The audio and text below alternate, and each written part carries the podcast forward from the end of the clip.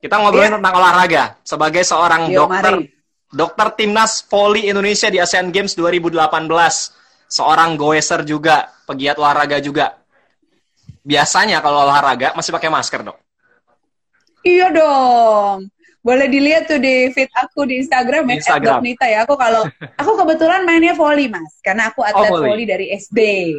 Dari SD udah main volley, makanya aku apply jadi dokter timnas volley. Ya gimana ya kalau kita hobi kita jadiin kerjaan kan kita nggak perlu rasa kerja sehari pun kan? Gimana waktu aku suka volley, terus aku disuruh ngurusin orang-orang paling jago volley se Indonesia. Apalagi pas Oh, Asian Games ya? aku di pinggir lapangan nungguin mereka. Kalau ada cedera aku yang handle langsung, wah itu Mm-mm. kayak dreams come true sih. Ya, kebetulan juga suka goes. Goes ya 25 kilo, 60 kilo mah udahlah, udah pernah lah. Udah Wow. ngerasain rasanya jadi goeser. gitu, Mas. Nah, ini yang yang Iya. jadi tep- eh, topik bahasan kita di sore ini. Soal olahraga menggunakan masker. Ada yang bilang, Oke. masa sih olahraga kita harus pakai masker? Entah sesek, sesek loh, kita kesulitan nafas. Terus eh, tempo hari ada banyak eh, video di Instagram atau di media sosial mana pun menggambarkan Meninggal ada seorang, karena masker. seor- iya, betul. Seorang yang menggunakan masker Iya, mungkin iya. akhirnya meninggal. Oke. Itu karena maskernya atau karena kondisi fisiknya? Gimana, Dok? Oke, ya jadi begini mas. Ya aku udah tahu perdebatan soal masker ini dari awal kita mulai eh, PSBB, oke? Dan boleh udah boleh keluar keluar tuh kira-kira dua bulan tiga bulan kan tuh ya. Yang awal kita Ya. kan masih patuh banget PSBB, terus orang udah mulai bosen, udah mulai mau olahraga di luar. Timbullah si berita eh, goeser meninggal tiga tuh ya kalau nggak salah total beritanya karena masker. Oke, judulnya kan gitu tuh ya biasanya Ya. ya biar biar clickbait banget. Oke, jadi ceritanya begini Mas. Untuk itu aku sampai melakukan studi literatur tentang penelitian efek masker pada olahraga. Oke, karena kita sebagai eh, praktisi kesehatan, sebagai klinisi, sebagai ilmuwan, kalau ngomong tuh mesti berdasarkan data. Iya, betul. Nggak bisa pakai logika. Mm-mm. Karena ternyata dari penelitian banyak logika yang nggak terbukti. Ya kalau orang yang udah pernah melakukan penelitian tuh logika itu hipotesis nol. Hmm. Ini logikanya harusnya berhubungan nih orang pakai masker napasnya makin susah oksigennya nggak nyampe.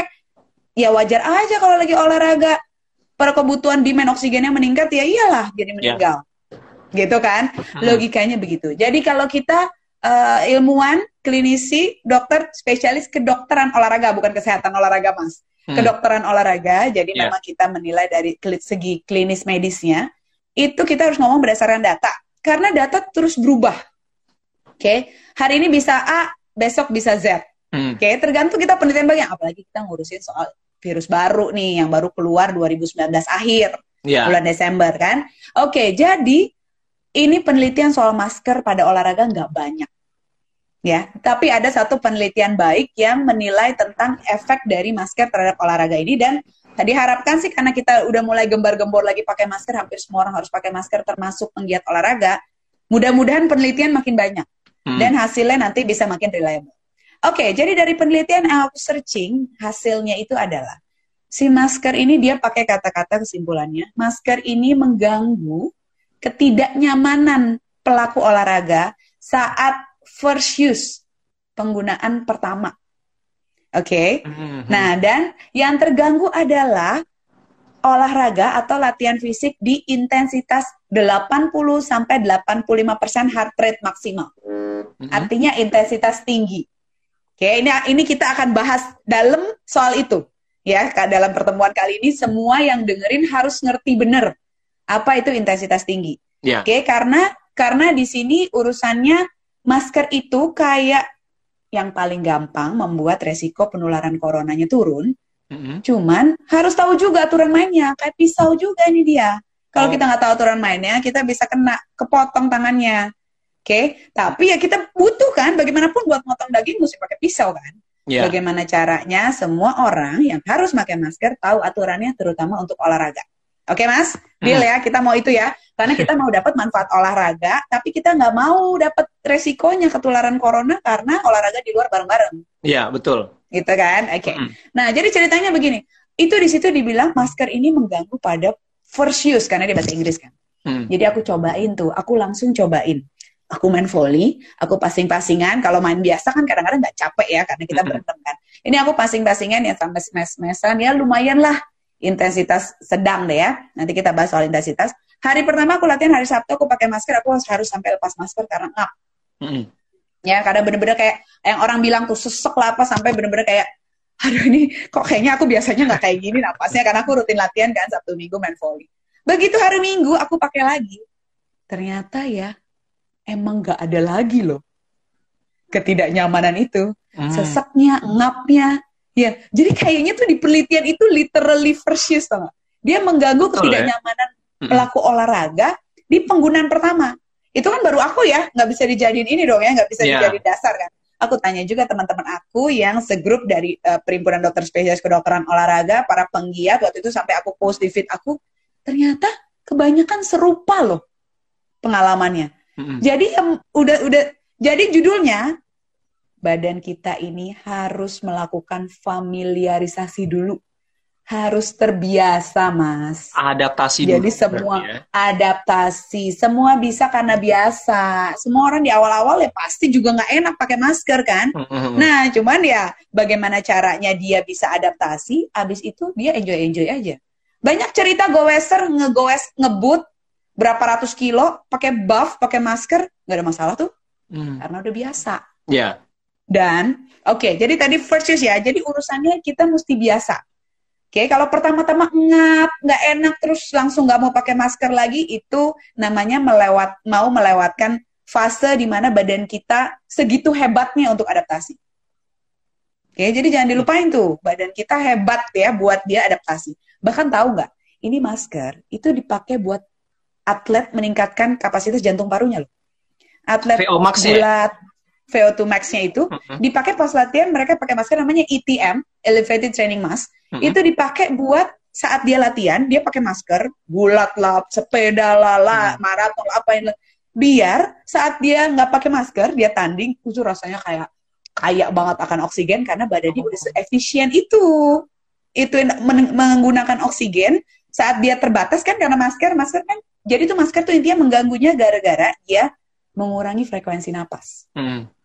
Kan dia menghambat gitu kan. Nah, Ya. karena dia mengurangi frekuensi napas, oksigen yang masuk juga berkurang. Oke, saat dia berkurang itu, pernafasan dari yang sistem metabolisme kita aerobik, pakai oksigen buat metabolisme, berubah jadi anaerobik.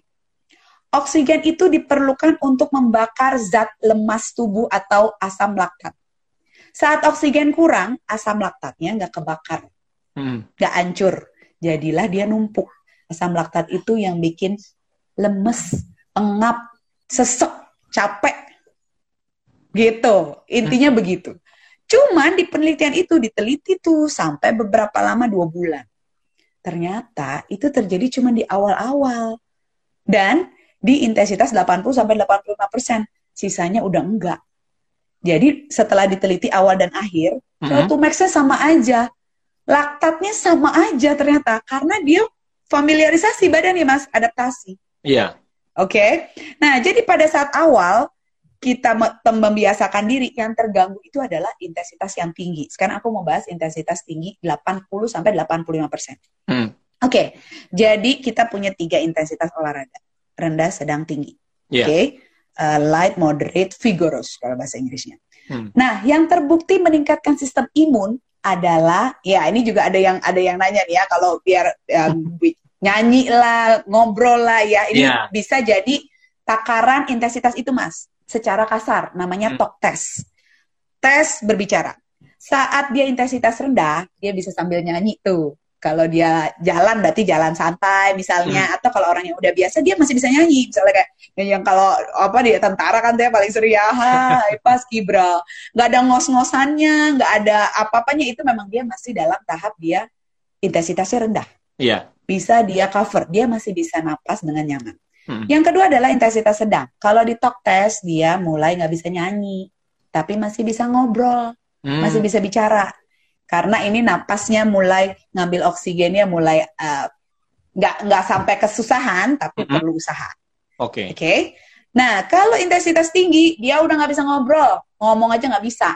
Tahu kalau kita udah kayak lari ngos-ngosan banget, Iya, iya, yang iya. Eh, cepet gitu ya, kan kita udah bahkan kita udah nggak fokus sama apa pun, kita cuma mau fokus supaya kita kuat lari. Iya. Ya, boro-boro ngomong. Itu intensitas tinggi kasarannya. Oke, patokannya secara kasar. Bagaimana secara objektifnya? Pakai heart rate, Mas. Oke. Hmm. Jadi kalau intensitas sedang itu adalah 64 sampai 76% heart rate maksimal. Heart rate maksimal ngitungnya gimana? Gampang. 220 kurang umur. Mas, umurnya berapa? Aku nanyanya ini banget ya. Kalau ngelihat di Instagram mungkin bisa tahu nebak-nebak. Kalau yang dengar Oke, suaranya mungkin nggak tahu. Oke, anggaplah anggaplah 20 tahun ya. Amin. Biar banget ya jadinya. Oke, anggaplah 20 tahun. Berarti heart rate maksimal orang umur 20 adalah 220 kurang 20, 200 200. denyut per menit. Hmm. Oke, berarti saat dia ada di intensitas sedang, dia persennya 64 sampai 76 persen. Oke, jadi kalau bisa bisa ngitung nih Mas, ya Hmm. itu 64 kali 200, ya berarti kan 128 Iya. sampai 76 kali 200, 152. Mm-mm. Artinya, saat seseorang punya heart rate segitu, dia ada di intensitas sedang. Jelasnya?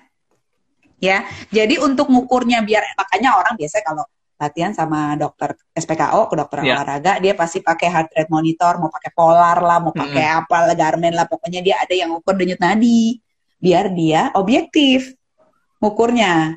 Oke, nggak pakai talk test, karena Hmm. kadang-kadang orang kayak aku misalnya udah ngos-ngosan atau suruh nyanyi juga aku masih bisa ya karena itu emang sedikit sedikit relatif gitu ya. Iya. Nah kalau udah heart rate urusannya udah objektif, udah nggak mungkin salah. Kalau Hmm. dia intensitasnya sedang di, di antara tadi berarti kalau dia tu- 64 64 sampai 76 berarti 128 sampai 152 dia itu intensitas sedang.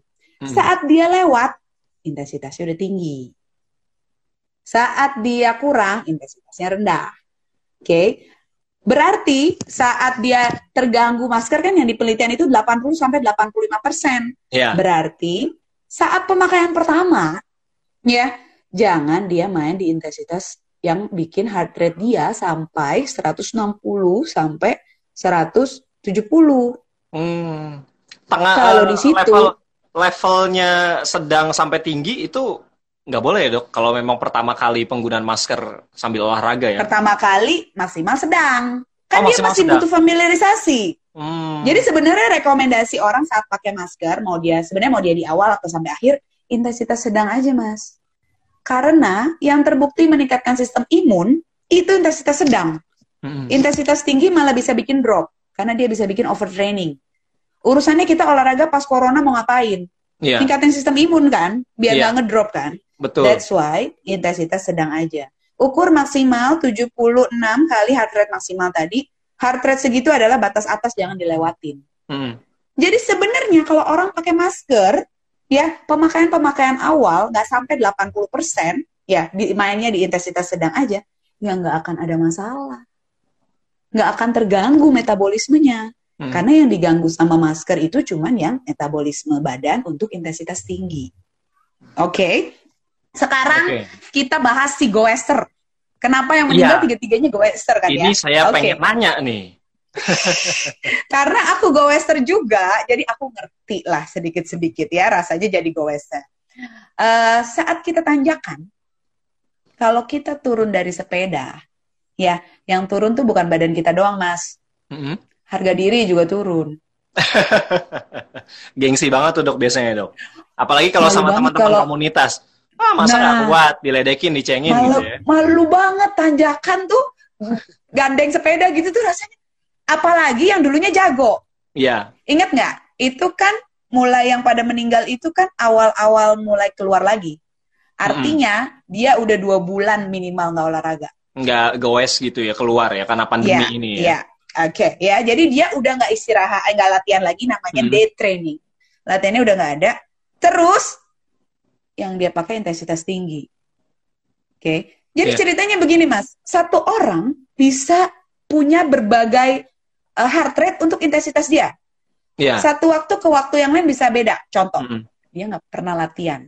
Taruhlah jalan ya di treadmill ya. Dia Hmm. nggak pernah latihan nih. Dia pertama jalan kecepatan 4 aja udah masuk intensitas sedang. Mm-mm. Oke, jadi kecepatan 4 tahu dong ya jalan kecepatan 4 kan santai Iya. itu ya, agak Mm-mm. agak nggak belum jalan cepet lah itu masih jalan santai. Eh, Mengarah mau ke cepet. itu heart rate dia kalau diukur awal-awal bisa udah 130 karena dia nggak pernah. Oke, okay? hmm. dia lanjut jalan kan resep resep latihan kardio itu sepeda, jalan, berenang itu 3 sampai lima kali seminggu 30 sampai 60 menit. Hmm. Oke, okay? dia jalan nih tiga kali seminggu Senin, Rabu, Jumat. Minggu depan dia tes lagi kecepatan 4 heart rate-nya baru 115. Yeah. Turun karena badannya makin efisien. Hmm. Artinya dia mesti naikin pace dia untuk jadi intensitas sedang. Hmm. Dia tambahin tuh, oh di lima setengah sekarang nih minggu kedua dia udah baru masuk intensitas sedang. Kalau enggak dia nggak masuk kan intensitas rendah kan? Hmm. Harusnya kan dia 120-an, oke? Okay? Nah, jadi seiring waktu itu beda. Nah, di orang untuk intensitas dia sendiri. Oke, okay? jadi nggak bergantung kecepatan ya. Jadi nggak yeah, bergantung yeah. kecepatan. Kecepatan itu berbeda dengan intensitas. Ada orang naik sepeda ngebut masih masuk intensitas sedang. Kalau dia udah biasa. Iya. Yeah ada orang naik sepeda lambat pun dia udah intensitas tinggi buat dia. Oke, okay? saat okay. dia day training turun nggak pernah latihan, itu intensitasnya pasti mundur semua. Turun Karena lagi. nggak pernah latihan lagi, dia udah nggak familiarisasi lagi, dia udah nggak ada, dia perlu adaptasi lagi buat balik ke yang dulu. Yeah. Sementara ini orang-orang baru pada mulai lagi setelah dua bulan gak latihan. Yang dulu intensitas rendah mungkin buat dia, sekarang bisa intensitas tinggi. Apalagi urusan umur mm -mm. dengan kecepatan yang sama. Oke, okay? kan faktor U juga bicara ya. Oke, okay. ditambah lagi tanjakan ya mas. Itu tanjakan tuh ya, aku waktu goes 60 kilo itu ya, itu setiap tanjakan aku ngumpat sama Marshall aku yang nemenin aku karena aku kan emang kalau goes mau ditemenin oh my god tanjakan lagi kita perlu ya nanjak ya aduh boleh gak sih gak usah nanjak itu tuh apalagi tanjakan yang waktu itu tuh tanjakan itu patung pancoran sama tanjakan hmm. oh, iya uh, ini ke arah Menteng. Iya. Yeah. Yang turunan ke arah ke arah ke arah Latu Hari.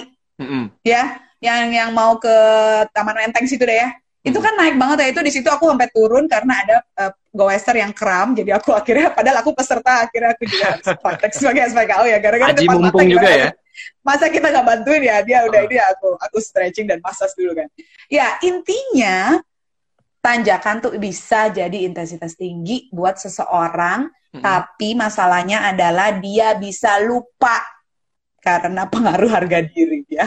Gengsi tadi. karena kan gengsi dan teman-teman kan, kadang-kadang teman-teman itu loh apa menyemangatkan jadi orang yang yang gak semangat jadi semangat, yang tadinya nggak bisa jadi bisa. Iya. The problem is saat itu dia pakai masker yang memang belum dia biasa. Mm -hmm. Dia sama sekali belum biasa loh. Dia maksa diri dia ditambah lagi beban pakai masker. Hmm. Andaikan orang itu udah punya gangguan jantung jadi fatal akibatnya. Itu kira-kira Mas ya.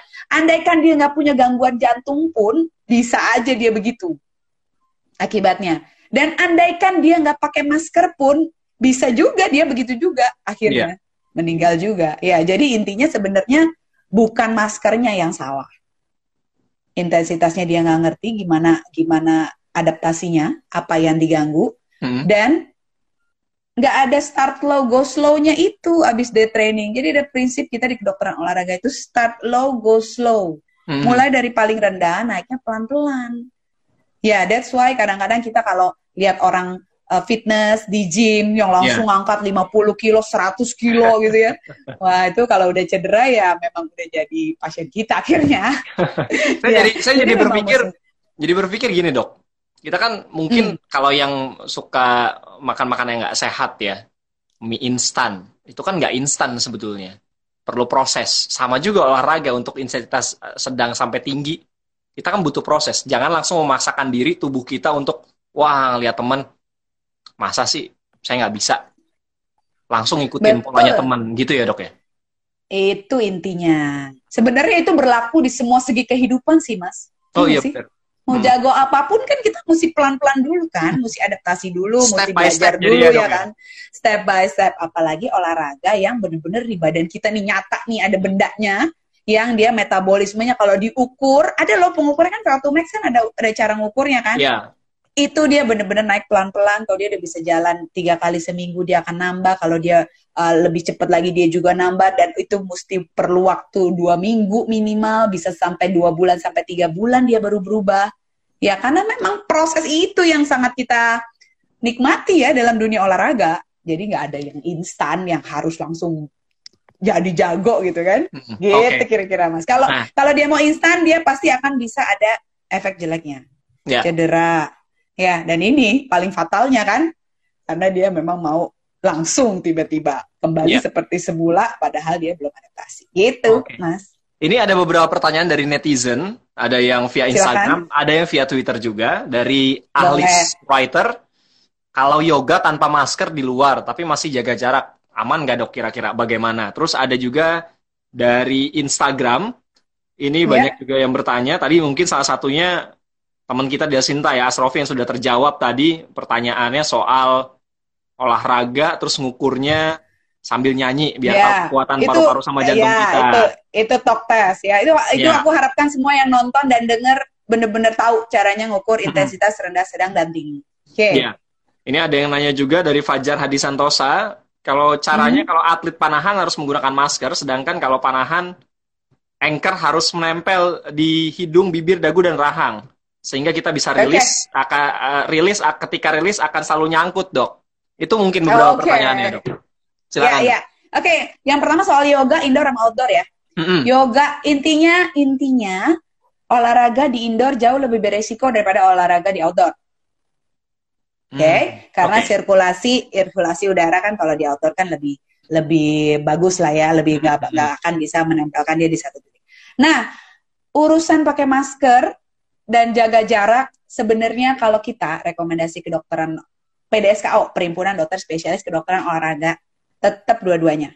Jadi ada empat sebenarnya. Jaga jarak 2 meter minimal. Pakai masker, Mm-mm. ya apa pun situasinya bukan maskernya yang diturunin intensitas kita yang diturunin oke free Oke. touch activity free touch activity itu nggak sentuh permukaan apa pun termasuk mata hidung dan mulut ya dan permukaan tempat umum Ya. dan yang keempat adalah jangan pinjem pinjem barang Oh, baju iya. anduk ya kalau perlu peralatannya kalau misalnya di gym karena memang mesti bareng-bareng di disemprot disinfektan dulu Mm. oke jadi itu Botol adalah minum juga ya dok. Pakai punya sendiri ya, minum. jangan sharing ya. Ya, ya sekarang udah udah minimal daripada daripada deh mendingan gak usah. Mm. Oke, bawa sendiri semuanya untuk jaga aman. Jadi standarnya, rekomendasinya semuanya mesti mbak. Ya, mau yoga mau di outdoor, mau jaga jarak, tetap aja pakai masker. Mm. Ya, kalau mau ngomongin resiko, ya udah pasti yang pakai masker lebih rendah resikonya daripada yang nggak pakai masker. Ya. Di outdoor udah pasti lebih rendah daripada di indoor. Yang jaga jarak udah pasti lebih rendah daripada yang nggak jaga jarak. Oke, cuman kita mau menzirokan resiko. Mm. Oke, jadi bagaimanapun kalau bisa empat itu di- diikuti ya. Dan kita, aku juga waktu pertama kali pergub keluar tuh soal intensitas tinggi boleh nggak pakai masker, aku juga ditelepon sama Elsinta ya. Iya. Terus aku kayak, ya ampun, sayang banget ya. Kenapa harus ada? Kita semua dokter spesialis kedokteran olahraga menyayangkan itu. Mm. Kenapa dibilang saat olahraga intensitas tinggi di luar boleh nggak pakai masker? Ya, urusannya kalau mau olahraga intensitas tinggi mendingan di rumah aja. Atau di tempat yang memang pribadi gitu. Jangan Ya. ada yang kerumunan umum. Mm. Kalau mau di tempat umum ya cukup yang olahraga intensitas rendah, eh sedang, nggak usah sampai tinggi. Mm. Ya rendah sedang kita bilangnya. Ya karena kalau urusannya udah ada kebijakan yang boleh nggak pakai masker, Mas. Itu kan masyarakat kita kan jago banget ya. Saat dibilang dulu nggak boleh terbang, boleh terbang dengan syarat, tiba-tiba semua orang punya surat tugas dan surat sehat. Iya. Nah ini bagaimana? Kita disuruh pakai masker aja banyak orang nggak pakai masker. Mm-mm. Gimana boleh dibilang, oke kalau intensitas tinggi boleh ya nggak pakai masker ya. Ini aku ngejelasin intensitas tinggi aja berapa menit tuh tadi, sampai orang benar-benar ngerti. Ya nanti orang tinggal bilang, oh saya olahraga intensitas tinggi kok saya boleh ya nggak pakai masker gitu. Ya jadi ya memang urusannya kalau kayak gitu ya nggak salah ada klaster sepeda, klaster biker, klaster runner, ya gara-gara ya memang memang begitu urusannya. Jadi kita jangan bikin jelek nama olahraga, klaster-klaster olahraga ini dengan jadi penul- sumber penularan COVID. Ya, kita bikin kita tetap sehat. Social needs-nya ya bagaimana ya dikurangin dulu lah. Social needs buat ketemu langsung. Toh sekarang kan udah maju ya Mas teknologi ya. Iya. Aku lagi dari ID Jakarta Timur, aku kebetulan ketua humasnya kita bikin dan banyak juga loh on apa web webinar atau seminar online yang ngajak olahraga langsung. Jadi itu nggak berasa sendiri juga dan bisa Iya, bikin dengan komunitas sendiri aja. Mm. Ya tinggal undang instruktur biar bisa bareng-bareng rasanya nggak sendirian tapi resiko ketularan COVID-nya nol. Gitu. Okay. Nah ini soal ya, tadi uh, atlet panahan. panahan. Kalau mau yeah, rilis yeah, itu yeah. kan suka nyangkut karena harus dekat dengan yeah. dagu dan lain sebagainya. Oke, okay, ya, ya ini memang kendala teknis ini uh, banyak kita hadapi. Ya, sebelum panahin ini aku juga pernah dengar itu maskernya nempel, hmm. gara-gara basah. Ya, yeah. jadi intinya masker jangan basah, bawa lagi beberapa kalau memang tipenya yang heavy sweater, yang uh, keringatnya berlebihan. Kan ada tuh orang yang keringatnya sampai bisa diperes ya. Hmm. Ya ada yang salty sweater yang keringatnya garam gitu itu mesti lebih banyak minum elektrolit. Kalau memang dia tipe basah bawa masker lebih dari satu.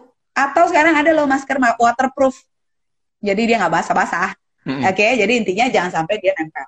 Oke, okay, berkaitan dengan panahan, ini panahan emang uh, ngerti aku ya saat dia sebenarnya maskernya nggak terlalu mengganggu bahkan bisa jadi oke okay, karena dia juga termasuk salah satu yang melatih napas. Kalau panahan kan mesti napasnya tenang sekali mas, mesti frekuensi napas itu kalau bisa rendah gitu ya, biar dia ya. nggak yeah. geter gitu, nggak goyang saat dia lagi mau uh, melepaskan busurnya itu kan, jadi tepat sasaran. Nah saat dia rilis kena itu memang uh, kendalanya ya, kendalanya soal pemakaian masker di mana sebelumnya kadang-kadang kita ini aja juga juga ada yang terganggu gitu ya kalau kadang-kadang kena yang tangan lah kenapa lah nah hmm. jadi memang maskernya mesti dipilih yang bener-bener nempel hmm. atau yang bahan yang nggak mudah nggak mudah ke bawah gitu ya hmm, atau yang nggak ya, mengganggu pergerakan kita ya selama tadi betul mungkin betul jadi memang itu kayaknya ya. Hmm. benar bahan maskernya yang mesti dicari atau hmm. akal diakalin ya mungkin kalau memang kayak gitu bener-bener maskernya diketatin gitu yang sampai dia nempel sehingga dia nggak ada nggak ada jarak gitu ya jadi dia bisa walaupun dia ngelepasin itu nggak kena ya itu kayaknya memang eh, perlu perlu ada inovasi-inovasi tuh ya. Mungkin nanti yang uh, para produsen masker yang denger ini mungkin bisa membuat masker khusus panah apa pemanah ya. Okay. khusus yang atlet panahan. Ya, memang perlu agak sedikit nyakalin. Aku ngerti itu kalau panahan memang dia agak susah, tapi ya. bagaimanapun yeah. coba tolong diusahakan supaya tetap pakai masker. Oke, okay. dok, sebagai penutup, ini karena oh, udah penutup waktu ya? kita singkat Kayaknya nih, pertanyaannya dok. masih banyak ya. iya, masih 30 menit. Iya, iya. Uh, dok, soal tadi intinya olahraga aman pakai masker ini bisa sebetulnya. Tapi di tengah bisa. pandemi ini hal-hal apa aja yang perlu kita perhatikan? Sebagai penutup dari Dokter Nita silakan dok. Oke, okay. jadi para pendengar El Sinta News and Talk dan uh, penonton IG Live ini, intinya kalau bisa olahraga pakai masker. Kalau rekomendasinya dari Perhimpunan Dokter Spesialis Kedokteran Olahraga, hmm. olahraga harus tetap pakai masker. Oke, okay? asalkan tetap memperhatikan syarat-syaratnya. Yang pertama, biarkan tubuh familiarisasi pada penggunaan-penggunaan awal, hmm. tapi tetap diteruskan pemakaian maskernya dan intensitasnya dijaga di intensitas sedang. Tidak perlu masuk ke intensitas tinggi karena intensitas sedanglah yang meningkatkan sistem imun kita saat pandemi ini. Dan ada beberapa syarat lain yang perlu diingat selain tetap menggunakan masker untuk olahraga di tempat umum. Yang kedua adalah jaga jarak, kalau bisa minimal 2 meter. Lalu jangan pinjam peralatan orang lain, memakai penggunaan eh, alat-alat uh, sendiri. Dan yang keempat adalah coba hentikan menyentuh, mulai dari mata, hidung, mulut, dan fasilitas umum. Oke. Okay. Begitu Mas dari aku semoga bisa bermanfaat buat semua. Amin. Terima kasih Dokter Nita. Sayang waktu kita nggak terlalu banyak tapi mudah-mudahan hmm. intinya ini bisa tersampaikan dan bisa diserap ilmunya oleh para pegiat olahraga siapa pun yang berolahraga di tengah pandemi COVID-19. Yang penting kita bisa aman dan bisa tetap fit juga ketika kita menjalani aktivitas. Dokter Nita terima Salam kasih olahraga. Salam Sama olahraga. Terima kasih juga buat da. semua yang udah dengerin. Okay. Semoga bermanfaat. Dadah. Selamat da. sore. Assalamualaikum warahmatullahi wabarakatuh. Waalaikumsalam warahmatullahi wabarakatuh. Tadi obrolan kita dalam instok apa kata mereka. Olahraga aman pakai masker? Bisa ternyata. Bersama Dr. Anita Suryani, spesialis kedokteran olahraga, dokter timnas voli Indonesia di Asian Games 2018 dan juga seorang goeser. Kita nanti ketemu lagi di kesempatan berikutnya dalam instok apa kata mereka. Saya beri Hamzah, tetap menjaga jarak, tetap menggunakan masker, dan tetap rajin mencuci tangan. Sampai jumpa.